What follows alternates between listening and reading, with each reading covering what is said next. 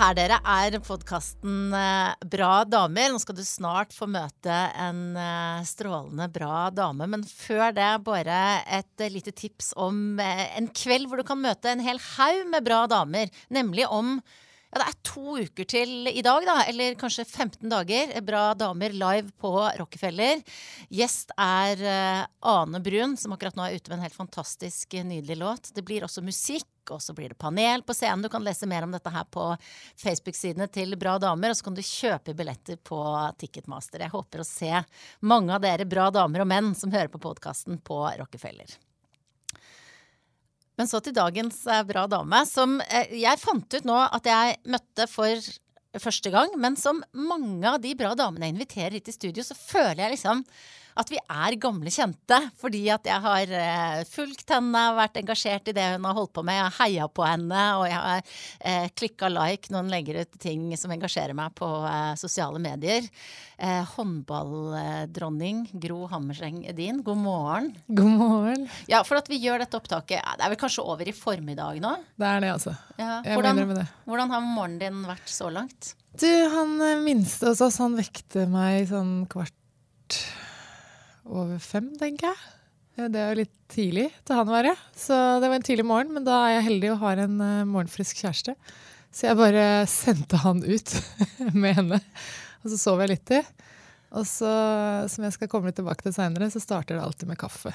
Ja. Når jeg står opp. Det må jeg. Og i dag ble det en skikkelig bra, lang sånn kaffe Litt sånn kosetid sammen med kjæresten min fordi hun skal ut og jobbe. Og være en del borte. Så da ble det en veldig fin start på dagen. Og jeg har hørt deg si det i intervjuer, at det der med kaffekopp i solveggen eller de her sånn hverdagsøyeblikkene hvor du ikke har noe to do-liste eller planer, det er mm. viktig for deg? Ja, det er kjempeviktig. Nå er jo sammen med ei som mediterer veldig mye. Jeg har ikke liksom fått inn det helt innunder huden sjøl, selv, selv om jeg er inspirert til å prøve å få det til, for jeg ser det har veldig god effekt. Men jeg tror at min sånn meditasjon er akkurat den derre kaffe tida, da, hvor jeg ikke gjør noe annet. Og at jeg verdsetter det. Både om morgenen, men også Det kan være på kvelden. Det, altså.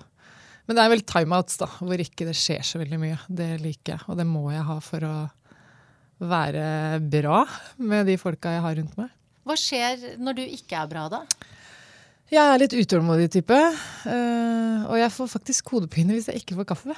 Jeg drikker såpass mye at det slår inn litt. Uh, og jeg føler bare at det er en sånn del av mine rutiner som, uh, som jeg føler at bidrar til at jeg har det bra. Da. Så jeg, jeg kan være både litt sur og utålmodig, og kan bli, av og til kan jeg bli bråsint òg. Hvordan er du da? Jeg tror jeg blir veldig sånn stram og kort. Liksom, det blir veldig sånn, kommer ikke så mange ord, men de som kommer, er veldig kontante. og Eh, da blir det, jeg blir litt sånn autoritær, tror jeg. Og ordknapp, men veldig tydelig i kroppsspråket. da. Ikke sånn kjempesympatisk, kanskje. Du, det, nå gikk jeg jo liksom rett på og bare kalte deg håndballdronning. Og, og, tok liksom for gitt at alle som hører på, vet hvem du er. Og det tror jeg de gjør også. Men, og du har jo en hel haug med meritter og nesten 200 landskamper og eh, landslagskaptein og OL-gull og masse sånne greier. Eh, nå er du på en måte inn i fase to eh, av yrkeskarrieren din. Og sist ut nå er jo at du og jeg rett og slett har blitt kolleger. Du har fått jobb i TV 2. Ja. Eh, men skal du, du skal ikke bare være du skal være journalist og kommentator. Kan ikke du fortelle hva du skal gjøre? Det er jo en helt ny rolle, da. Så den skal jo bli litt sånn til uh, med meg i den prosessen. Da. Så det jeg vet, er at jeg skal være en, en sportskommentator. En type allmennekspert innenfor sporten. Da. Uh, og da har vi jo masse gode fageksperter som er veldig gode på faget, men jeg skal kanskje ta opp da litt de mer store debattene rundt uh, samfunnsmessige ting. Da, som, uh, sport er mye mer enn bare det å skåre målet, treffe målet. Det som uh, egentlig berører oss alle, og viktige verdidebatter og kan være etiske debatter. Alt mulig, egentlig. Men jeg skal fortsette å være håndballekspert også, da. Så jeg er veldig spent. Jeg skal skrive en del. Jeg skal også delta i debatter. Jeg skal være med og lage reportasjer. Noen ganger så kommer jeg til å ha god tid til å lage saker eh, rundt noe som jeg brenner for. Andre ganger så må jeg liksom bare følge med på det som skjer da, i sportsbildet. Så det er veldig spennende. Det høres utrolig spennende ut. Og så er det jo liksom, på, på, den ene siden så har du kjempemasse erfaring. Du skal jo mm. jobbe med utgangspunkt i noe du kan dritmasse om. Mm. Men så er det jo også eh, mye som er helt nytt for deg. Hvordan er det for deg? Det er en sånn veldig blanda følelse av at jeg er kjempeglad og spent og stolt. Og så samtidig så er det dødsskummelt. Fordi at jeg vet at det er veldig mye jeg ikke kan. Og og det er masse jeg er nødt til å på en måte bare være ærlig på at uh, det vil ta litt tid å sette seg inn i. Uh, hva er forventningene? Uh, finne ut av hva, hva skal den rollen innebære? Hvordan skal det funke i praksis i hverdagen min? Det er masse spørsmål, da. Mm. men samtidig så opplever jeg litt at jeg har vært en sånn type alltid. Da, at jeg, jeg, liker jo på en måte trygghet, men jeg søker jo utfordringer. egentlig hele tida. Så jeg, jeg, er veldig trygg på det at jeg kommer til å synes eh, denne jobben er kjempeinteressant og spennende. Jeg kommer til å lære masse.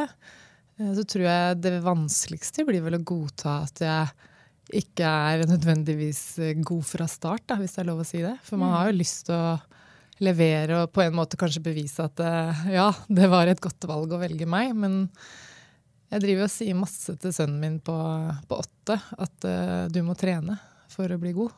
Uh, og det må jeg si til meg sjøl, tror jeg, framover. Mye. At jeg må tillate meg at eh, jeg må trene, og jeg må trene på en måte live. da. Ja. Eh, og det er jo det som er det skumle med det. At uh, jeg får ikke lov å sitte litt sånn i ro og fred og øve meg. Jeg kommer til å måtte øve meg mens en del følger med på det jeg skriver og mener og gjør. da. Men når du sier at du da må at du skal bevise at det var mm. et bra valg å ansette deg, hvem er det du ser for deg? Hvem er det du skal bevise for? Jeg tror at Fokuset mitt absolutt burde være på helt andre ting enn at jeg skal bevise noe. Det er litt sånn som å spille håndball, f.eks. Hvis jeg blir veldig opptatt av det, så, så, mister jeg et fokus som jeg burde ha på oppgavene mine. Hvordan skal jeg løse det? Og konsentrere meg om å uh, ja, gjøre det jeg kan i hverdagen min for å ja, Rett og slett for å bli bra rusta til å kunne skrive gode saker, snakke med mange folk i TV 2 bl.a. som har mer erfaring med meg. og det å være fokusert på de riktige tinga, det handler jo ikke om å tenke at du, jeg skal være redd for at noen ikke syns at jeg er bra nok. Uh, men samtidig så må jeg erkjenne at de tankene dukker opp av og til. Og det, det er jo livet til de aller, aller fleste.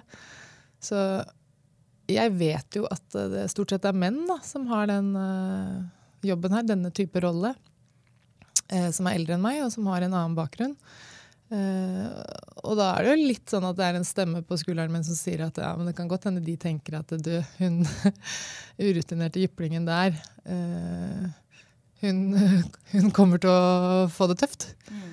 Uh, og så er det en annen del av meg da, som tenker at jeg syns det er sykt kult at de spurte meg, og at jeg vet at de spurte meg fordi at jeg har veldig mange kvaliteter som kommer til å være bra i en sånn rolle. da. Så ja, det er, det er, spennende. Og egentlig sånn at jeg tenker at uh, jeg er veldig heldig, da. Som kan få lov til å være med og forme den rollen her, og få lov å jobbe med så mye dyktige folk. Og så er det jo litt sånn Nå, nå har jo du vært uh, ute og håndballen en stund, men liksom det å drive med sport er jo veldig sånn, det er veldig sånn målbart. Så mm. mange mål scora du, så fort løp du sånn. Så det er veldig lett å sjekke om du har gjort en bra jobb eller ikke. Mm. Mens den jobben som eh, du nå går inn i, og som jeg jo har, er litt mm. mer sånn diffus. Du har ikke en bunke med ark på pulten som viser hvor bra du har jobba. Mm. Eh, hva tenker du om en sånn utfordring? Jeg tenker at det er det som, eh, som blir litt sånn nytt og annerledes og spennende. Og sikkert også veldig krevende for meg. Fordi eh, det er ikke så lett å, å måle, som du sier. Eh, hvorvidt det er godt levert eller, eller, ikke. Men det jeg har prøvd å liksom, minne meg sjøl om nå de siste ukene, da, for nå har jeg ikke gått inn i denne rollen ennå, det er jo det at jeg har lyst til å huske på hele veien hvem jeg er, da. Og hvilke verdier jeg har. Og så skal jeg prøve å styre etter det, da. Og tenke at uh, jeg kan leve veldig fint med at noen syns at jeg lager møkkasaker. ikke er enig med meg. Uh, mens jeg tenker at jeg har en mulighet til å bruke stemmen min, uh, og at jeg opplever at noen ganger når jeg sitter litt sånn og ser på debatter, så syns jeg veldig mye folk er ekstremt sånn skråsikre på at de har rett. Og at uh, de har veldig behov for å også fortelle hvem som ikke har rett. Mm. Mens jeg har lyst til å gå inn i den rollen og kanskje være mer nysgjerrig. Og, og, det er det som kjennetegner meg også. Det er at jeg prøver alltid å se ting fra ulike perspektiver. Uh, og jeg vet at mange ganger når jeg har trodd at jeg har hatt rett, så har det vist seg at jeg har tatt feil. Når jeg har fått mer kunnskap om et emne, f.eks. Uh, og at jeg har lyst til å være en som er nysgjerrig, kanskje reiser spørsmål og, og setter i gang debatter som jeg syns at dette her trenger vi å snakke mer om. Uh, og så kan jo jeg ha noen klare tanker om temaet, men jeg tror at, at jeg har litt sånn mål om at ikke jeg nødvendigvis skal framstå som en som bare åh, oh, jeg vet alt og, uh, og skal hele tida få fram at mitt syn er det riktige. Men mer det at det spennende er jo at det er jo ikke noen fasit på hva som er gode verdier engang. Men jeg kommer til å ta med meg minnet inn i denne rollen. Mm. Og prøve å huske på sånn, hva er det jeg syns er viktig, hva brenner jeg for, hva har jeg lyst til å stå for. Og så fylle den rollen med det. da. Og det der er jo, som du sier, det der med sånn usikkerhet og prestasjonsangst og sånn, det er jo noe som er del av uh, livene til folk. Og det, jeg er liksom ekstra nysgjerrig på uh, din take på det, nettopp fordi at, uh, at du har så lang karriere som idrettsutøver bak deg, men også mm. altså, at du er engasjert i dette. Holder foredrag sammen med kjæresten, sin, kjæresten din, og at dette er med sånn mental trening, mm. tro på dine egne verdier, stå i deg selv. Mm. Um, og det er jo Altså, hva er dine teknikker, da? Eh, når du står i det og, og, skal lete etter det der. OK, nå står jeg i stormen, nå får jeg mye motstand her. Hva er det mm. du gjør helt sånn konkret for å finne deg sjøl? Uh, veldig veldig ofte så når jeg jobba i håndballsammenheng, da, så har det jo handla om det å prøve å prestere godt. ikke sant? Og det er jo viktig for deg. Det har vært viktig for meg når jeg har jobba med det og brukt så mye tid på det. Uh, samtidig så har jeg alltid prøvd å liksom gå tilbake til i de periodene hvor det blir sånn tøft for meg, da, hva er det egentlig som er det viktigste av det viktige for meg? Er det at jeg er god til å treffe et mål? At jeg klarer å liksom vise at jeg er skikkelig, skikkelig god i sporten min? Eller er det viktigste for meg at jeg har lyst til å være en bra dame med eh, gode verdier? Og at jeg faktisk behandler folka rundt meg på en bra måte? Og at jeg har respekt for andre? Eh, de tingene der som handler om meg som menneske. Hva er viktigst? Og da er det alltid det mennesket da, som er det viktigste for meg. Mm. Og da har det vært litt sånn godt å kunne lene seg på at uh, det er det som er det, viktige, det, viktigste av det viktige. Jeg kan tåle at det svinger håndballmessig. Uh, og så vite at hver eneste gang jeg går på trynet da, eller bommer eller ikke det går bra, så er det en mulighet for å lære. Uh, og så har jeg vært god til å sette ting litt sånn i perspektiv. da. Mm. Fordi du kan fort, når du er veldig veldig opptatt av noe, og driver med, driver med, det hver dag, så fyller det så mye at du av og til blir liksom Du går i den fella at du tenker at dette ser jo hele verden på. Alle følger med på ja, dette, og alle mm. bryr seg om dette. Og så gjør man det litt større enn det det kanskje er. da. Det å klare å bruke galgenhumor, det gjør jeg ofte også når jeg blir litt sånn dramatisk. da. Men samtidig Gro, så har jo det vært veldig mange som har fulgt med på deg. Det er jo liksom ikke bare paranoia. Du har jo hatt, eh, liksom, om ikke hele verden, så i hvert fall folk over hele verden som har fulgt med på hvert skritt du har tatt. Ja, og av og til så har jo det vært krevende, og jeg har rota masse med å prøve å finne en sånn balansegang med måte, hvordan skal jeg møte media? Hvor åpen skal jeg være? Hva er jeg komfortabel med å snakke om, ikke snakke om. Det har vært en reise som av og til har vært uh, kjempekrevende for meg. Mm. Samtidig så kjenner jeg jo at den reisa er jo noe av det som gjør at jeg tør å si ja til den jobben som jeg har sagt ja til. Fordi at jeg vet at jeg har stått i en del sånn stormer hvor jeg har følt at åh, nå veit jeg ikke helt om jeg kjenner meg trygg. Mm. Hvilke situasjoner har det vært hvor du har vært skikkelig utrygg? Det har jo vært uh, Noen ganger har det vært håndballmessig.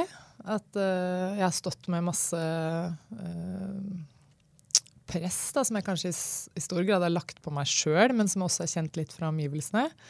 Uh, hvor jeg har følt at oh, nå, nå, har jeg det liksom helt oppi her. Jeg kjenner at jeg nesten ikke veit hvordan jeg skal deale med situasjonen. andre ganger så har det vært at media har vist interesse for privatlivet mitt, og så har jeg havna i i medias søkelys noen ganger uten å egentlig ønske det, uh, og bare hatt lyst til å ha kjærlighetssorg i fred, eller få lov å ha et brudd i fred, eller en ny kjæreste for den saks skyld. Um, og da har jeg jo måttet uh, prøve å finne noen sånne punkter, holdepunkter, da. Uh, og da er jo det gjerne noen av mine nærmeste som jeg stoler på.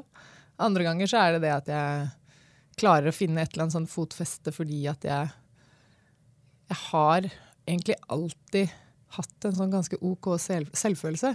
Ja. Eh, og det, det er jo blitt spurt om mange ganger. Du virker som du liksom er trygg på deg sjøl, og hvor kommer det fra? Og det har jeg jo ikke egentlig svaret på, men jeg tror at veldig, veldig mye handler jo om starten min da, med foreldre som har klart å gi meg sånn en følelse av at uh, du er bra, og vi elsker deg, helt uavhengig av om du er god eller dårlig til å spille håndball, eller hva du presterer. Da. Det har vært viktig. Og så har jeg hatt veldig bra venner rundt meg som uh, til tross for at jeg sikkert var den første eksempel, eh, jenta som hadde jentekjæreste, da, så blei det godt mottatt. Opplevde at jeg hadde bra folk rundt meg. Eh, altså jeg tror det handler om familie, venner, miljø. Og Også at jeg har hatt eh, kjempebra rollemodell i, i, mamma, som alltid har vært en sånn dame som har stått opp for seg sjøl og stått opp for andre. Alltid liksom vært en som har turt å si de vanskelige tinga hvis hun har ment at det er eh, viktig. da. Har hun vært direkte med deg? Åh, ja, hun er jo eh, sorry, sorry, mamma, hvis du hører på det her, men mamma er i overkant direkte noen ganger. Det kan være litt slitsomt. Samtidig så er det noe veldig trygt i det òg. Fordi at uh, det er ikke noe tvil om, om hvor du har mamma. Og, og, noen ganger når uh, hun sier ting, så, så, er det litt slitsomt og ubehagelig, men kanskje allikevel riktig. Hva kan det være, da? Altså, går det på håndballen, eller er det andre ting? Altså, når hun driver og, og blander seg i håndballen, så, så, må jeg jo le litt, for hun har jo ikke sånn kjempehåndballbakgrunn. Men jeg tror fordi hun har sett så mange håndballkamper og treninger med meg opp igjennom, så føler hun seg litt som en håndballekspert. da. Så det har jeg liksom ikke klart å ta helt sånn innover meg når hun har ment noe om det. men men uh, samtidig så, så er hun uh, Hun er en som forventer noe av meg, da. Og, og, har alltid gjort det. Og det gjør at jeg nok liksom, i forhold til mamma alltid har tenkt at jeg har liksom, lyst til å uh, gjøre henne stolt. da. Mm. Og så har jeg tenkt veldig mye over i det siste faktisk, at, at det er helt unikt at hun har backa meg sånn som hun har gjort når jeg har tatt de valga jeg har tatt. fordi at jeg har jo egentlig valgt å være mamma litt annerledes enn det hun valgte å være mamma. Med tanke på at eh, jeg har reist mye, jeg har brukt mye barnevakt. Eh, Anja og jeg jobber mye på kvelder og i helger. Eh, mens hun var en sånn type mamma som jeg følte var med overalt. da. og allikevel så har hun virkelig sånn backa meg i det at jeg har tatt de valga. da. Og og hun blander seg heller ikke i at jeg velger å legge ungene mine noen ganger mye seinere enn det hun egentlig Jeg vet hva hun legger du egentlig barna dine? Er det sånn i elvedraget? nei, nei altså det er, det er, to forskjellige gutter egentlig vi har. Da. Så, så han uh, yngste han er egentlig sånn veldig glad i rutiner, og det skal være på en bestemt måte, helst likt hver kveld. Og det har jeg også lest et eller annet sted at det er det beste og det lureste. Men jeg må være ærlig og si det at uh, den første sønnen vår han har sovna mange forskjellige plasser og vært med rundt på mye. og Eh, det gjorde vi for så vidt også med nummer to her. Han var jo med på foredragsturné han, han var kjempeliten og sov backstage og var med ut og fløy tidlig og, og, litt sånne ting. Men sånn grunnleggende i hverdagen vår så har vi jo klart å prøve i stor grad å sørge for at enten besteforeldrene eller en, en god kompis av oss da, har lagt gutta hjemme når vi er ute og jobber. da. Men det er jo litt utradisjonelt familieliv eh, noen ganger. Det er det definitivt. Men ungene vet jo ikke hva som er tradisjonelt eller ikke. Det har, jeg tenkt på mange ganger. Når jeg har liksom båret båret den der reisesenga gjennom gatene på besøk et sted. For å, ikke sant, så tenker jeg, men det er ingen, Barnet vårt vet ikke at dette ikke er normalt. og er jo, hun er jo med oss, da må det jo være greit. Det må være lov å ta noen sånne litt sånn annerledes valg av og til. Ja, jeg er veldig forkjemper for det. og Det er noe av det jeg snakker om i foredragene som jeg holder sammen med Anja. og Det er jo nettopp det her at uh, du kan jo velge den foreldrerollen og, og løse den på tusen forskjellige måter. Og det kan være veldig bra, alle de forskjellige måtene. Og det at vi kan være litt rausere med at, at, vi får lov til å gjøre det på vår egen måte. Da. Og at det er ikke noe fasit på akkurat hvordan det skal se ut for at det skal funke. Det finner jo liksom jeg og Anja ut av, og det finner du ut av med, med din familie. Og at uh, det å klare å på en måte applaudere Altså at jeg kan ha respekt for hun som velger å være bare hjemme, da, eksempel. Mm. Og at uh, jeg forventer meg respekt og aksept for at uh, jeg har valgt uh, en litt annen vei. Da. Men samtidig så er det veldig mye sånn strenghet da, rundt mm. det med å være foreldre. Det er jo bare mm. det eneste rådet jeg pleier å gi til de som skal bli foreldre. Det er ikke hør på for mange råd, og ikke gå inn på sånn mammaforum og sånn. For der går man bare rett i kjelleren. Eh, der er det så mye strenge stemmer. Eh, og det er akkurat som det er mange som utroper seg selv til sånn spesialister og er ganske raske til å dømme andres valg, da. Eh, hvor mye opplever du av det på kroppen? Jeg opplever veldig lite av det, men jeg tror kanskje det handler om at jeg har vært i f.eks. sportsverden, da, hvor, ja. uh, hvor, jeg har vært vant til å være sammen med en god del andre mammaer som, uh, som må finne liksom, noen løsninger som funker for den familien for at de skal kunne fortsette å reise, spille på landslaget, spille Champions League.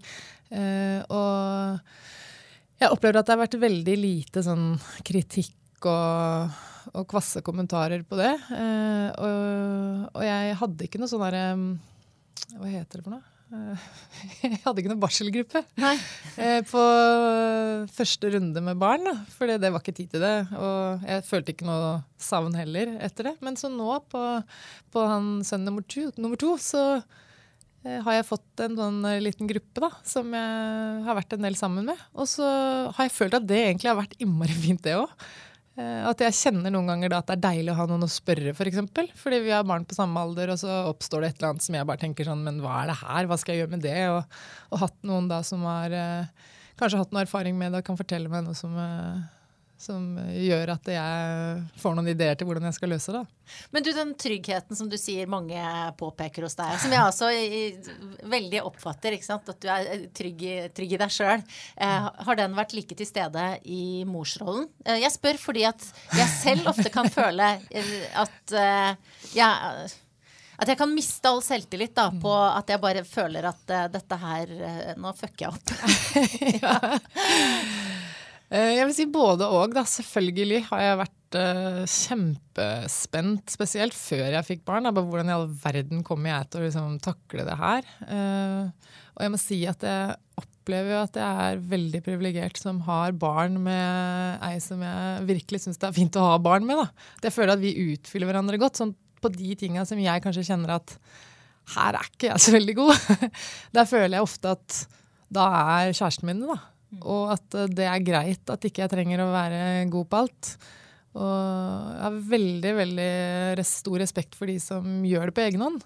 For det er det jeg merker at uh, når jeg kanskje blir for hissig eller for lei eller forbanna eller hva det er, og egentlig skjønner sjøl at nå burde jeg trekke meg ut av situasjonen fordi at nå bærer det liksom et sted hvor jeg egentlig ikke vil.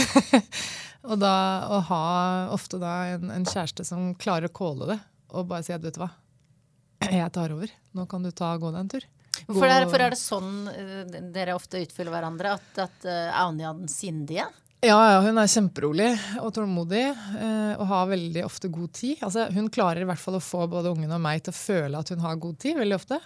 Selv om hun gjør jo en hel haug med ting og er veldig effektiv og, og får gjort mer enn meg i hverdagen. Men, men hun er en veldig rolig person, og det er der liksom den utålmodigheten min kommer inn noen ganger. F.eks. hvis at jeg holder på å skal hjelpe med lekser, eller, eh, eller at jeg ikke syns det går fort nok logistikken på morgenen, hvor eh, jeg har en plan med at vi skal klare å komme oss ut på så og så mange minutter, og så bare skjærer det seg. Eh, der er hun sterk, altså. Og så er det jo andre områder hvor jeg føler at å, her har jeg skikkelig bra mammakontroll. Hvilke områder er det?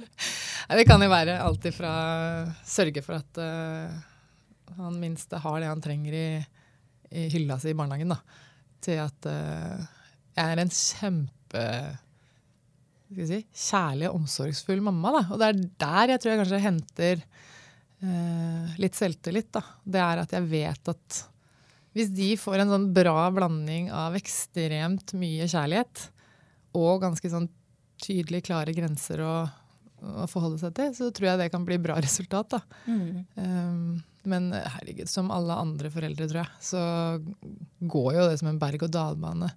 Den følelsen av hvordan du syns at det, det, funker som mamma. da. Mm. Men uh, i, i, veldig stor grad så føler jeg det at uh, at vi får det til, altså. Og jeg tror ikke nødvendigvis vi løser det perfekt, men at uh, jeg er blitt ganske god til at jeg ser kanskje veldig ofte mer etter styrkene enn jeg ser etter feilene mine. Ja.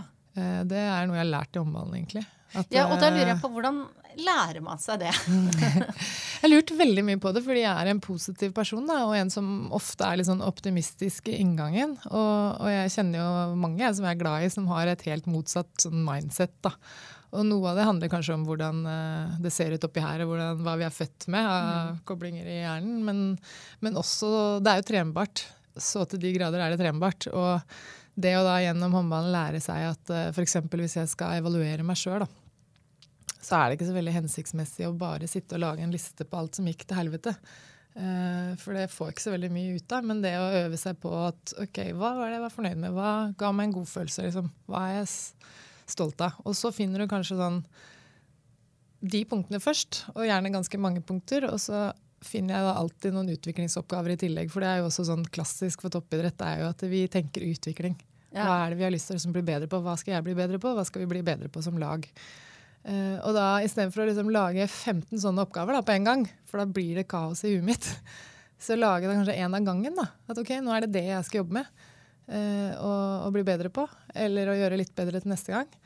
Uh, og så det å tillate seg å feile, da. Jeg har fått høre det sånn i ettertid at noe av det som gjorde at Marit Breivik, da, min første landslagstrener, noe av det som gjorde at hun syntes jeg var spennende når hun så meg spille første gang, det var at jeg var veldig god til å bare liksom fortsette å prøve. Når jeg liksom hadde mislykkes med noe, så så det ut som om jeg bare rista det litt av meg, så prøvde jeg på nytt. Ja. Og at det var den egenskapen hun så som i aller størst grad hadde liksom fanga oppmerksomheten hennes. da. Og det er jo en sånn kul ting å tenke på. At uh, oi, Jeg ble tatt ut på min første samling fordi jeg var god til å håndtere og gjøre feil. Ja. Uh, og da vil jeg ikke skryte på meg at jeg er det i enhver sammenheng. Altså. Men, men, det er noe jeg har liksom jobba bevisst med. Da. At uh, okay, Hvis du holder på med toppidrett eller du holder på med en eller annen synlig jobb, for eksempel, så vil det jo alltid være en sjanse for å drite seg ut. Når jeg skulle være med på 'Mesternes mester', for eksempel, så var jeg jo egentlig først og fremst veldig redd for å drite meg ut. Det var det første som slo meg. Det var sånn, herregud, jeg skal gjøre masse ting som jeg ikke kan, som jeg ikke er spesielt god i. Og det er mange folk som skal se på det. Og så bare blir jeg liksom provosert av den frykten. Og så tenker jeg sånn, ja, men da må jeg på en måte bare gjøre det. Og så må jeg nok en gang erfare at det gjør jo ingenting om ikke man er dødsgod. Ja, ja, ja. ikke sant? Fordi du sitter jo ikke der hjemme i stua di og forventer at uh, folk på 'Mesternes mester' skal klare alt. Du blir innmari inspirert når du ser noen som får til noe, men så blir du jo minst like inspirert av de som tør å gjøre ting da, som ikke de er gode til og som virker som om de klarer å deale med det. Og, det jo, og, det er jo helt sånn rent intellektuelt så, så er jo det et sånt eh, et fornuftig resonnement. Sånn, men det er på en måte det å eh, bare integrere det i sin egen uh, tankegang, da, og faktisk ja. tro på det. Det ja. syns jeg av og til er vanskelig. Jeg skjønner at Folk driter jo i om jeg gjør feil, eller mm. altså, De bryr seg ikke om det, det er ikke viktig. Men allikevel liksom ha det trygt inn i magen. Ja, men jeg tror det handler noe om at uh, når den slår inn den følelsen, da, så har i hvert fall jeg erfart at det, den går jo alltid over. Den går over. Og det er jo kanskje det jeg hviler meg litt på. Da. Det er at ok, hvis jeg nå bare aksepterer at det er dritt nå mm. Og veldig, veldig ofte så opplever jeg at når jeg får en god natts søvn, eller jeg får prata med noen rundt meg som får meg til å liksom forstå at å, det foregår masse annet her i verden som er interessant og spennende. Eh, så hjelper det meg litt å bare tenke at OK, jeg må bare Istedenfor å slåss voldsomt med den følelsen som dukker opp i magen, da. Bare sånn OK, der er den. Nå føler jeg dette. Det er skikkelig ubehagelig. Ja. og jeg hater den følelsen. F.eks. en av å ha spilt dårlige håndballkamper. Jeg kunne jo ligge og vri meg og ikke få sove. Synes at det var skikkelig kjipt. Men det å vite at den kommer til å slippe Jeg har erfart det så mange ganger, at det, slipper etter hvert. Og det er et sånn tullete eksempel på en måte, men eh, jeg var med på et sånt frokostseminar etter Idrettsgallaen, hvor jeg bl.a. fikk lov å høre på statsministeren snakke litt. Og så fikk jeg muligheten til å prate litt med henne etterpå. og så spurte jeg bare sånn du, Hvordan dealer du med det presset? At det er liksom Du er i søkelyset, og det, du skal jo ikke gjøre noen ting for at du, blir angrepet fra høyre og venstre og får masse kritikk. og Hvordan dealer du med det liksom, i det omfanget som hun opplever? Da? For det, det, er jo peanuts, det jeg må, må stå i. Uh, og så fortalte hun en sånn historie om at hun hadde blitt uh, veldig inspirert i ganske sånn ung alder av Jeg husker ikke hvem det var som hadde sagt det til henne, men at hun kunne liksom se på seg sjøl som en rev, da. så at det var liksom revjakt. Så er du reven, og så prøver du liksom å komme deg unna. Du løper og du løper, og så plutselig så ser du en stein. Og så bare hopper du opp på den steinen, og så sitter du på den steinen og gjør deg liksom litt sånn liten og bare sitter rolig der. Plutselig vet du, så kommer det en ny rev, ja. og så bare følger etter den reven isteden. Og da ser jeg liksom for meg i hodet mitt sant, den store medieflokken ikke sant, som driver og jager en eller annen fordi du har driti deg ut. Mm. Og så og så måte, Hvis du bare sitter helt rolig så puster godt i magen, så kommer det en eller annen som de kommer til å hoppe på hvert øyeblikk. Liksom. Og det er jo litt sånn det er. Ja. At uh, okay, I det ene øyeblikket så, så, føler du at du er den der personen som blir jaga litt, eller opplever at nå er jeg kjemperedd, liksom. Men, men det, går, det går over. Og litt sånn humoristisk det kommer snart en eller annen som de kommer til å jage. og Det er jo veldig morsomt. Det ble en ekstra, ikke til forkleinelse for deg, men det ble ekstra morsomt å tenke på det når det var Erna Solberg som kom med revehistorien i utgangspunktet. At hun sitter og ser for seg den reven på toppen. Det er et fint bilde, det også. Veldig. Mm. Men, men du, det, sant, dette var et frokostseminar, du møtte statsministeren. Det er, jo, sant, det er, jo, mange som føler en sånn tomhet. Flere som jeg har hatt her i, i studio, som har vært eh, toppidrettsutøvere, som enten pga. skade eller bare naturens gang, eh, må slutte, da. Det må man jo. Og da er det en Beskriver mange en eh, nedtur. Mm. Um, I hvor stor grad opplevde du det? Du, jeg har ikke opplevd noen nedtur etter at jeg slutta. Uh, men jeg kan være ærlig og si på at jeg opplevde en nedtur når jeg valgte å slutte på landslaget. Og det var jo noen år tidligere. Da hadde jeg en litt sånn sorg over det. Selv om det var et bevisst valg fordi jeg følte at ok, nå blir vi mammaer for første gang. Uh, og jeg hadde lyst til å fortsette å, å satse, men jeg visste òg at kombinasjonen av det mammalivet og toppidretten kunne bli sånn kraftig kost for meg med den kroppen jeg har. da. Så da tenkte jeg at for å forlenge karrieren min, så, så slutta jeg på landslaget. Før jeg sånn, la opp som mammaspiller. Men da husker jeg at det var en veldig sånn, tøff periode. Kanskje spesielt fordi kona mi Anja gikk inn i landslaget. Og hadde kjempesuksess. Og, og var på en måte med min gamle gjeng. da. Hvor jeg satt der og plutselig hadde bare den mammarollen. Eh, og skulle sitte på tribunen og liksom heie på Heie og ruge? Heie og ruge, Ja, det var, veldig, sånn, det var en uh, tøff uh, periode for meg. Men uh, sånn, når jeg slutta nå, så var det egentlig bare en veldig, veldig sånn, fin opplevelse av at jeg hadde vært igjennom en prosess hvor jeg har brukt skikkelig lang tid på å liksom, finne ut av er det riktig nå. Mm. Og så var jeg så sikker på at ja, det er det. Er det. Og at jeg hadde laga meg på en måte en sånn litt plan for hva er det jeg skal gjøre nå. da? At jeg hadde noe liksom, som jeg skulle som jeg gleda meg til. Mm. Det var veldig viktig for meg. Og så tror jeg nok også definitivt at det hjalp at uh, Anja, kona mi, slutta jo samtidig. Sånn at vi kunne på en måte da uh, gjøre en del sånne ting i helger og ferier f.eks. som vi ikke har kunnet nesten noen gang. Da. Men du, når du da kjenner på en slags sånn uh, misunnelse, er ikke dine ord, da, men ja.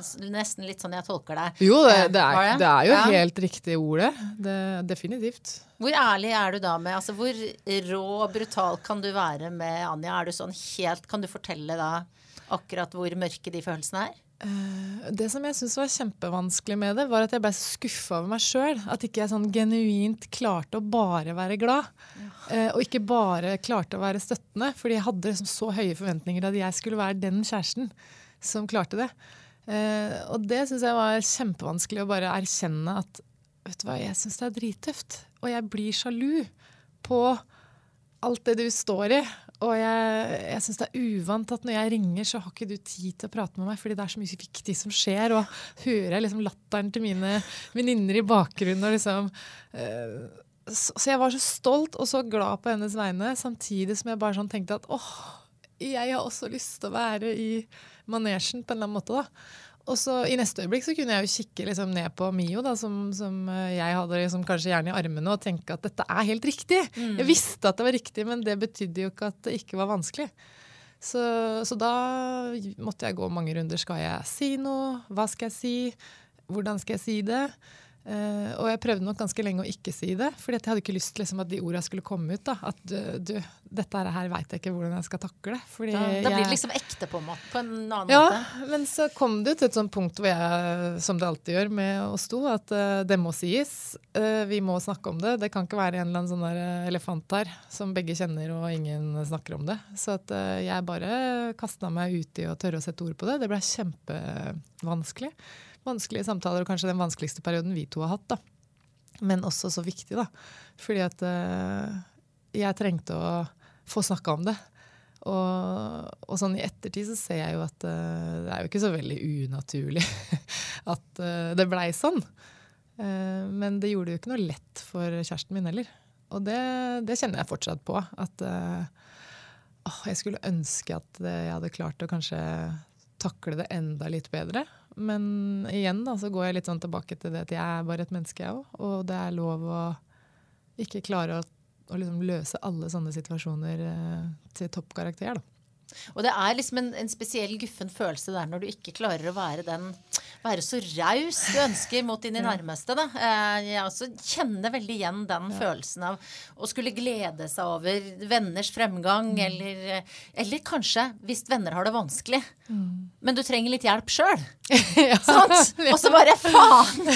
Ja, men, så, så, det er jo absolutt den derre ja, Men hvordan, hvordan, kommer man seg videre da? Eh, hva gjorde dere? Var det tida igjen? Ja, det er jo litt det her med tida. Da, for det, det, som skjedde i, i, den perioden her, var jo at vi ble foreldre for første gang. Og så gikk jeg jo raskt inn i den toppidrettsutøverrollen min. Det, jeg brukte jo lengre tid enn mange håndballspillere gjør, for det er veldig mange som kommer rett inn i det. Mens jeg, jeg begynte vel å trene sånn så å si for fullt etter fire måneder. Og så, og så hadde jeg da sommeren på meg med oppkjøring før vi da spilte første seriekamp kanskje sånn ca. et halvt år etter jeg hadde født. da. Men da går jeg rett inn i Champions League-spill. ikke sant? Og, og, det var en kjempetøff periode, det å sove mye mindre. Mm. Eh, plutselig ha en helt annen hverdag. Eh, mindre tid til restitusjon. Og så skal du egentlig levere akkurat det samme som du gjorde før. da. Eh, og så reiste jo Anja en del da med landslaget. Og ikke nok med det, hun skrev også en bok, og hun drev og laga en kleskolleksjon. Eh, og spilte jo også Champions League og, og gjorde det samme som meg eh, i Larvik håndballklubb. Eh, og da kom det til et punkt hvor jeg sa at eh, hvis du og jeg skal fortsette å ha det så bra som vi har lyst til å ha det, så må noe prioriteres bort. For det, det går ikke opp. Den kabalen går ikke opp. Det går ikke an å både gjøre alle de tinga og fortsette å ha det så bra som vi vil ha det. Som vi veit at vi kan ha det.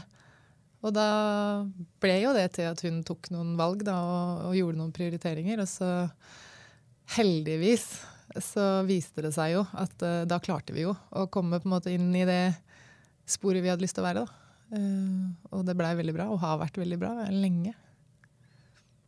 Du, når folk snakker om deg, Gro, så uh, bruker de ofte begrepet forbilde. Mm. Det du har vel gjerne fått pris Har du ikke fått pris for å være forbilde også? Du, jeg, jeg, har fått det på Idrettsgallaen en gang. Ja, sant, der ser du. Det er Hva er det som gjør deg Hvorfor, har du blitt et for, er du et forbilde for så mange, jeg, tror du, Gro? jeg tror det er Jeg skjønner ikke, i hvert fall. Det hørtes litt sånn ut. Jeg tror det er helt feil at jeg skal svare på det. Altså, for det er jo helt umulig for meg å svare på. For jeg, jeg, jeg vet jo ikke det. Men, men hvordan eh, bærer du det? Hva syns du om å være det? Det er et um, et mer interessant spørsmål, egentlig. Ja, det, jeg syns jo fadderen meg at jeg er en skikkelig bra dame. Det, ja. det, tenker jeg jo at det er jo helt komisk, egentlig. Eh, men jeg tror det er bra òg, da. At det betyr ikke at jeg tenker det om alle områdene, eller at jeg, at jeg til enhver tid eh, er så innmari fornøyd med meg sjøl. Men sånn i bunn og grunn så syns jeg jo det sjøl òg. Og det tror jeg gjør at eh, um, at det kanskje kan være noe av det som uh, er godt å se og høre. da. At det, det går an å ha det sånn òg. Mm. Og det betyr ikke at jeg har det sånn hele tida, men jeg har det mye sånn. da. Og det jeg ler veldig av det, for når jeg hørte første gang at du skulle eh, ha en podkast som, som, het Bra damer, så tenkte jeg bare sånn åh, for et sinnssykt kult navn! ja. Og så det du gjør med å, å, på en måte løfte fram da, masse bra damer som man kan bli inspirert av. Det er jo så mye bra folk, ikke ja, bare ikke damer, så klart. Men for min del som er kvinne, da, så er det jo det at jeg leiter jo etter disse bra damene fordi at øh, jeg identifiserer meg jo i litt større grad med damer, da. Mm. Naturlig nok. Uh, og så er det så sinnssykt mange fine folk som jeg da henter inspirasjon fra. Og så noen ganger så når jeg for hører på podkasten din eller leser i, i, media noen saker, så tenker jeg sånn Å ja! Hun vil jeg vite mer om. Mm. Og så kan man liksom hente ut noe fra så mange forskjellige. Det er jo ikke sånn at uh, alle disse damene som du har her heller, det er jo ikke sånn at de sikkert heller til enhver tid føler seg som bra damer, men det er veldig mye bra i de aller fleste folk. da. Mm. Og det er spennende å bli kjent med noen av de kanskje spesielt som da har enten brenner lidenskapelig for noe eller har blitt skikkelig dyktig i det de driver med, eller noen som da inspirerer andre, andre mennesker eh, pga. det de gjør. da. Mm. Eller hvordan de er, for den saks skyld. Men jeg jeg husker kjempegodt en episode fra en av de siste sesongene mine som håndballspiller, hvor jeg blei så forbanna pga. måten en, en uh, mannlig trener snakka til meg på. Treneren til det andre laget. Han liksom skreik etter meg og ropte, og jeg hørte liksom bare at det her, her er ikke OK. Og så litt det der med at jeg er oppdratt av mamma, da, som har alltid stått litt sånn opp for det som er urettferdig. Da. Så tenkte jeg sånn, dette her kan jeg jo ikke bare finne meg i. Så husker jeg kjempegodt at midt under kampen så bare liksom jeg bare marsjerte mot han, så sto jeg liksom bare sånn og pekte på han, og så skreik jeg liksom oppi huet hans at 'jeg er en bra dame'! Så det du liksom beskylder meg for nå, det er bare piss! og så husker jeg bare at liksom, jeg registrerte liksom at bak benken så satt det noen venner av meg som aldri nesten har sett meg sint noen gang. Og så tenkte jeg rakk å tenke sånn Nå tror de at det har klikka for meg. Og så husker jeg også at Anja var jo på banen når liksom spillet stoppa, og, og, dommeren liksom endte med å gi han treneren gult kort. da. og jeg var litt sånn usikker på om jeg skulle få det, fordi at, eh, at jeg hadde reagert som jeg gjorde. da, men... Eh, og da får jeg av og til liksom fylleangstfølelse etterpå. da, Av mm. at eh, gud, nå, nå ble jeg litt vel sint, kanskje. Eller nå, nå ble det litt mye. Men samtidig så liker jeg at jeg har den egenskapen nå. Ja, det, det, liker jeg òg veldig ja, godt. og, og, det kommer jeg liksom alltid til å tenke på når jeg hører eh, navnet på podkasten din. og Det der med at det var det jeg liksom fant ut at det skal jeg si. Ja. Jeg hadde jo ikke noen plan. Jeg bare gikk bort, og så var det liksom det som kom ut. da. Jeg er en bra dame. Det er jo helt fantastisk. Og det er jo det som, som er jo et sånt gjennomgangstema, eh, føler jeg, i denne podkasten. Det er det der med å liksom ikke ha den fylleangsten. Ja, ja. Eh, litt hva man ordentlig. Jeg vet ja, ja. Liksom, du har jo din historie med litt sånn obskøne fingertegn og diverse. Ja. Men det, altså, det, er i sportens ånd. Men jeg tenker å ikke ha den fylleangsten for å ha sagt ifra, for å ha tatt plass, for å ha ledd mye, for å ha snakka høyt. Uh, for at det er lov å gjøre. Ja, og det som var supergod opplevelse, var jo at han som på en måte hadde heva stemmen litt og sagt noen ting som kanskje ikke nødvendigvis var så ok, da, han, han blei jo veldig, veldig rolig etterpå. Og kom bort to ganger og liksom tok meg i hånda og sa at beklager, liksom. Jeg burde ikke ha sagt det. Og da blei jo jeg helt sånn åh, så deilig at han kunne ta det sånn. Ja. At han kunne si sorry. Jeg burde ikke ha gjort det. For det syns jeg er helt fair nok, da. For det var ikke så ille, det han sa. liksom. Det var bare det at han trigga jo meg i eh, både konkurransesetting, men også det med at det, Da gikk det på meg som person, da det han liksom beskyldte meg for, handla om at han mente at jeg hadde liksom satt en albue i fjeset på en spiller og så bare løpt fra situasjonen. Og det, det hadde jeg ikke gjort. Mm. Uh, for det, hadde jeg gjort det, så hadde jeg tatt og spurt hvordan går det med deg. Sorry. I hvert fall i de aller fleste sammenhenger. Spørs litt hvem som ja, har fått den albuen. Ja, ja. Du, altså, er det noe utenfor idrettsbanen som vekker den samme harmen som, eh, som dette? Uh, ja. Det er det jo. Uh, absolutt. Jeg, jeg, reagerer veldig sterkt på, på alt sånn som handler om uh, rasisme. Uh, det at på en måte noen kanskje skulle antyde at en person ikke er like mye verdt fordi han er homofil, eller Bare sånn veldig sånn fordomsfulle ting reagerer jeg sterkt på. Jeg er veldig opptatt av egentlig likeverd. Og jeg er nok også veldig opptatt av at jeg syns at vi i stor grad må prøve å snakke ordentlig til hverandre. da. At uh, syns av og til at jeg blir sånn sjokkert over språket som, uh, som, blir brukt da, når man skal diskutere eller bare snakke sammen i det hele tatt. Jeg blir nok også veldig prov provosert av mennesker som jeg opplever som blir sånn ovenfra og ned, som føler at det de er høyt hevet over resten av oss. Og, og liksom framstå på en sånn måte, det trigger nok et eller annet i meg. Mm. Og det er jo fantastisk at du er i den posisjonen du er nå. Jeg tenker Nå har du jo en mulighet til å tematisere dette, da. fordi at mm. både sportsverdenen og i stor grad medieverdenen er jo en uh, Ja, man kan jo si det er, kan være det er mannsdominert. Det er uh, mye maktstrukturer man kan si noe om. Uh, er dette et tema som du tenker du kommer til å liksom pirke borti i fremtida? Ja, ja def definitivt. Fordi at min vei inn i egentlig den rollen som jeg endte opp med å få, uh, det starta egentlig med noe så enkelt som at jeg satt og skulle skrive en oppgave på studiet mitt, og så fant jeg ut at, uh, at i offentlig debatt da, så var det veldig skeivt fordelt. Uh, det her er jo noen år siden nå, men når jeg skulle undersøke liksom, faktatall rundt det, så var det sånn at fire av fem eksperter i offentlig debatt var menn. da. Og det syns jeg var litt sånn rart. Mm. Og så ble jeg litt sånn, jeg følte meg litt truffet fordi at jeg har blitt spurt om å være ekspert mange ganger, og så har jeg sånn sagt nei, da, fordi jeg har prioritert andre ting. og, og litt sånn. Uh, og så kjente jeg på det at jeg har lyst til å gjøre noe med den uh, skeivheten. Jeg har lyst til å, å, bidra til at det jevner seg litt ut. Og noe av grunnen til det er jo at jeg tror at jentene som vokser opp, har virkelig bruk for å, å se at deres stemme er like viktig. Uh, og da, da, begynte jeg så smått å si ja da, til å være håndballekspert, bl.a. Jeg husker jo at jeg leste meg fram til at det kunne være vanskelig å rekruttere kvinner i styrelederjobber og i styreverv. Uh, og da sa jeg ja til å sitte i to styreverv, selv om jeg òg følte at det var litt sånn ukjent territorium. Var litt usikker på i starten om har jeg det som skal til for å mm. gjøre en god jobb her. Men uh, da begynte jeg å si ja til litt flere ting. Og så, og så fikk jeg på en måte det her litt sånn på radaren. Da. Mm. Så da blir det til at du blir oppmerksom på saker som handler om det. Og, så Derfor så øver jeg meg litt på nå, da, i og med at jeg vet at det er et tema som jeg er veldig opptatt av, at jeg òg må sørge for å lese noen av de sakene til de som kanskje mener det stikk motsatte. Da. Ja. Eh, fordi at eh, Jeg tror det liksom kan få litt hangup. tror jeg vi alle kan få. Litt hangup på noen uh, temaer som vi brenner veldig mye for. Men eh, i bunn og grunn så handla det for min del om at uh, jeg tror veldig på at uh, vi trenger rollemodeller da, og noen å bli inspirert av. Og, og, det er jo enda sånn at i noen sammenhenger så er det få kvinner fortsatt. Mm. Og det å da se noen gjør at det blir veldig mye lettere da, å forestille seg at uh, Oi, kanskje jeg kan gjøre den jobben. Mm. Det at det er en jente som sitter og kommenterer Premier League, f.eks. Uh, det kan inspirere en skikkelig fotballinteressert jente til å tenke at åh, det er mulig å jobbe med det. Mm. Jeg ser at det går an.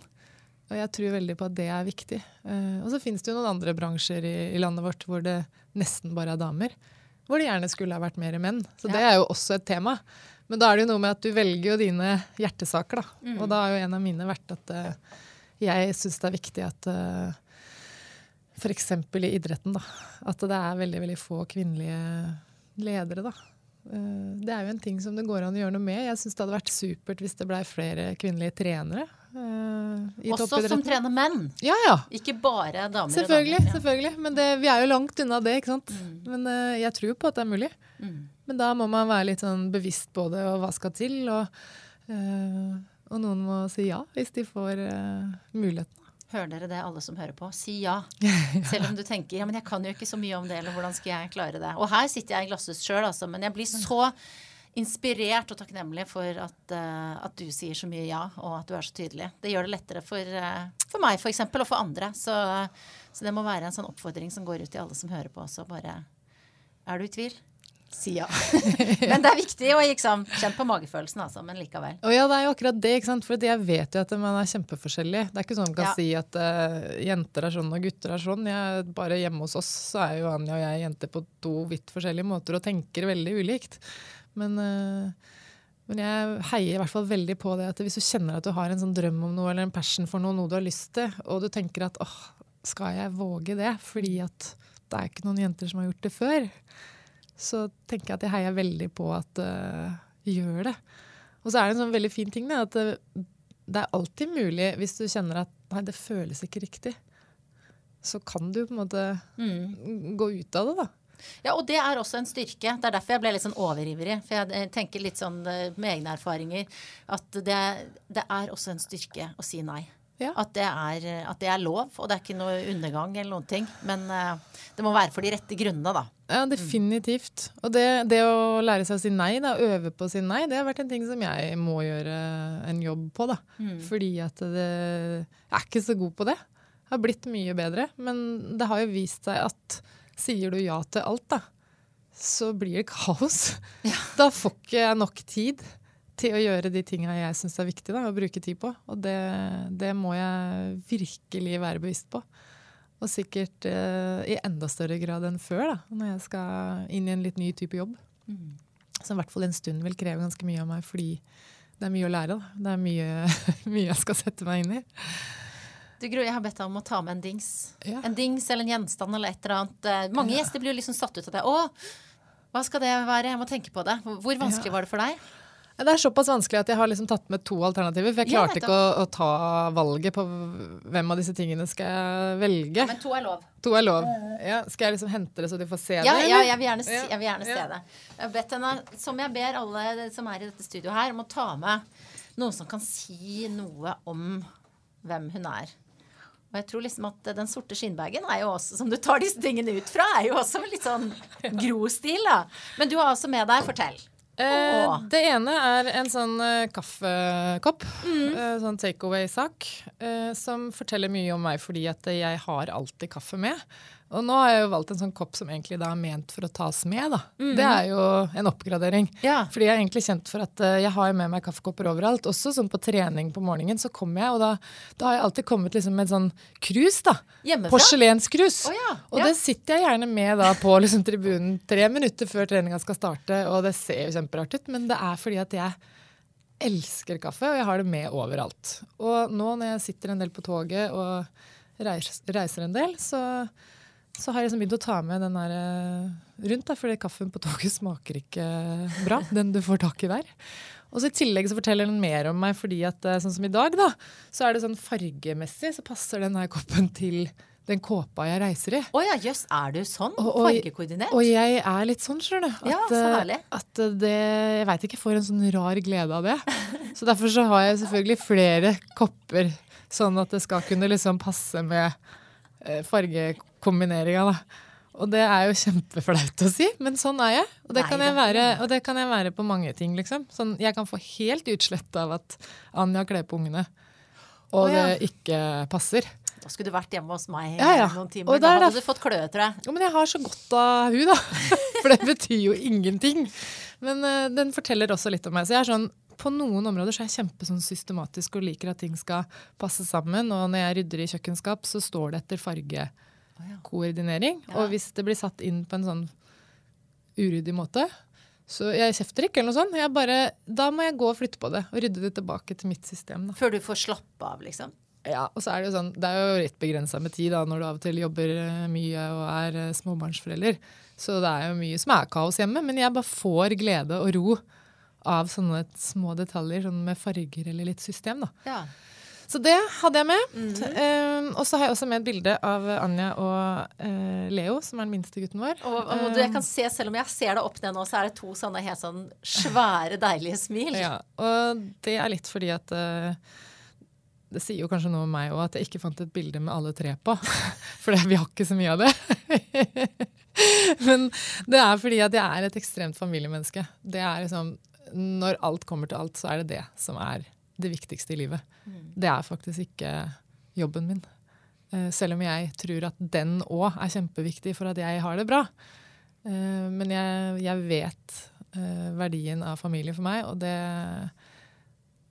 Jeg elsker familie, og jeg er veldig veldig glad i å være hjemme. Jeg er veldig glad i å komme hjem til flokken min, og jeg kjører gjerne i timevis for å sove hjemme istedenfor å gjøre det som kanskje ofte er praktisk smartere. Uh, og det er liksom den familien og den kjærligheten som jeg kjenner for de, og som jeg opplever at de kjenner for meg, det er der jeg henter veldig veldig mye av tryggheten og styrken min nå. Det er, at jeg liksom, det er ankeret mitt. da. Og jeg tenker at uh, jeg er ekstremt klar over at jeg er privilegert som har funnet noen som jeg ville ha barn med. Uh, og som jeg har det så bra med. Mm. Uh, så det er en sånn balansegang at eh, jeg har mange venner som ikke har funnet den store kjærligheten. Og det er ikke sånn at jeg tror at ikke du kan være glad uten å ha funnet den. Men når jeg nå har funnet den, så kjenner jeg på det hver dag. Hvor takknemlig jeg er for at uh, jeg hadde så flaks. det er jo fint også at vi, vi, vi starta med å prate om uh, hvor tryggheten din kommer fra. Ja. Og du snakka om din egen mor og din ja. egen familie. Og nå ja. høres det ut som du har uh, skapt deg din egen egen familie som kan gi den tryggheten eh, både til deg da, og dere, men også til guttene deres. Mm, og jeg tenker mye på det, for jeg tror at det er kjempeviktig at jeg vet at jeg på en måte klarer meg aleine. Jeg er veldig sånn independent woman og vet at eh, du, jeg klarer å takle enormt mye på egen hånd. Men jeg tror også at det å ha noen relasjoner, da, uansett om det er vennskap eller om det er familie eller om det er kjæreste eller hva det er Jeg tror at de relasjonene, de nære relasjonene, er alle mennesker egentlig litt avhengig av for å kunne ha det godt. da. Mm. Og at uh, når vi driver og på en måte skal bygge oss sjøl og følge våre egne drømmer, og vi skal finne drømmejobben og vi skal gjøre alle mulige ting for oss sjøl, så er det superbra. Det, det, er viktig, det. Men jeg tror at det å investere i å ha noen gode, trygge, sterke relasjoner, er jo også en sånn ingrediens som jeg tenker at det er kjempeviktig å bruke tid på. da. Mm. Og investere i. For at uh, hvis du skal kunne ha det sånn, så må du bruke tid på å pleie de relasjonene, da. Tenker jeg.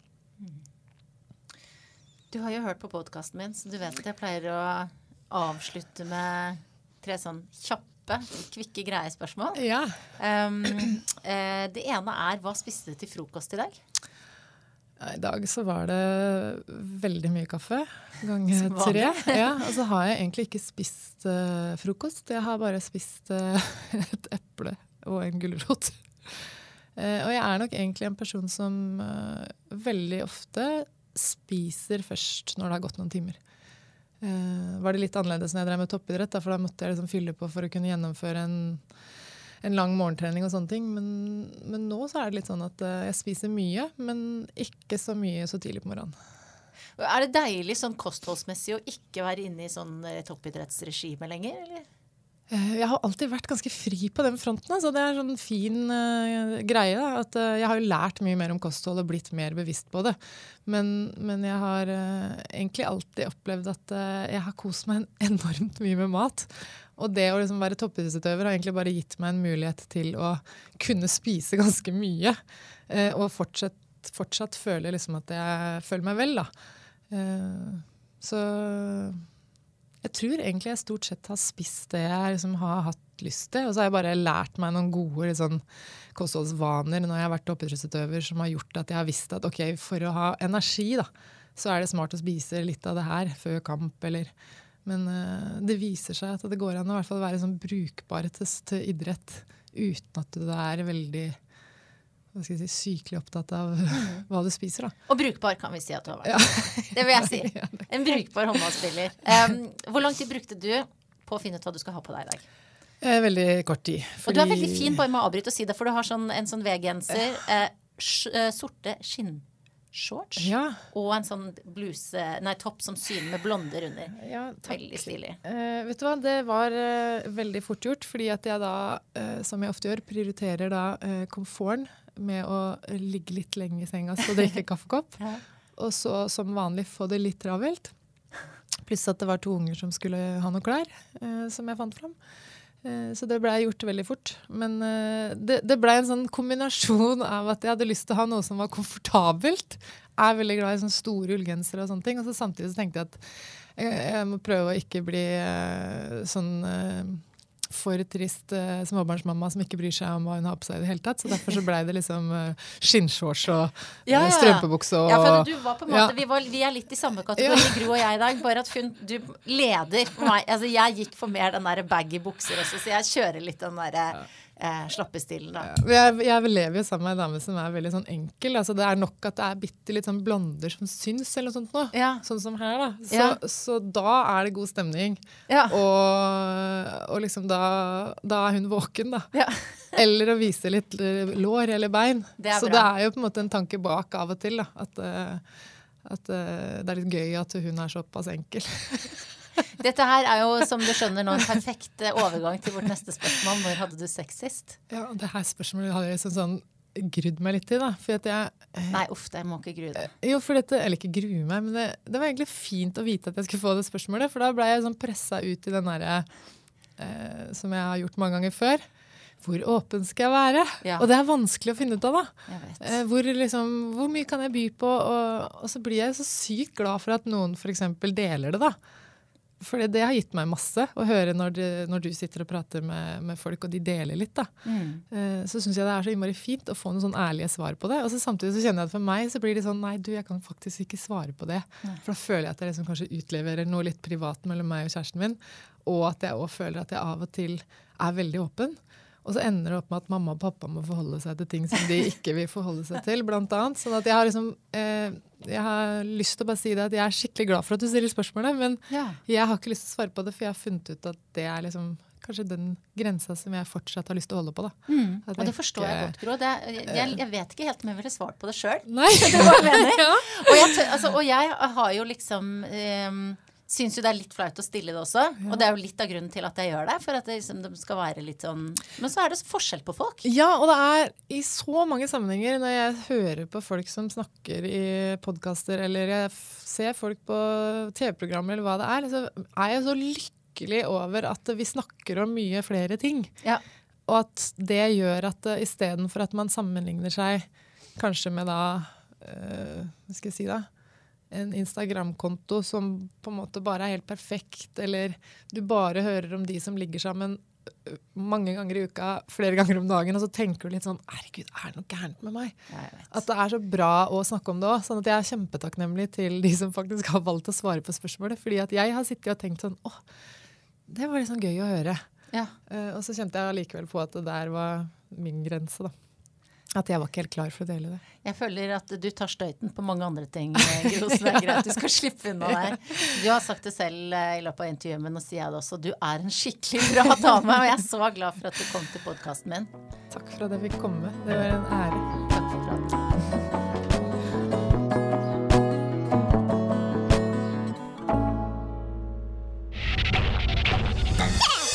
Monster.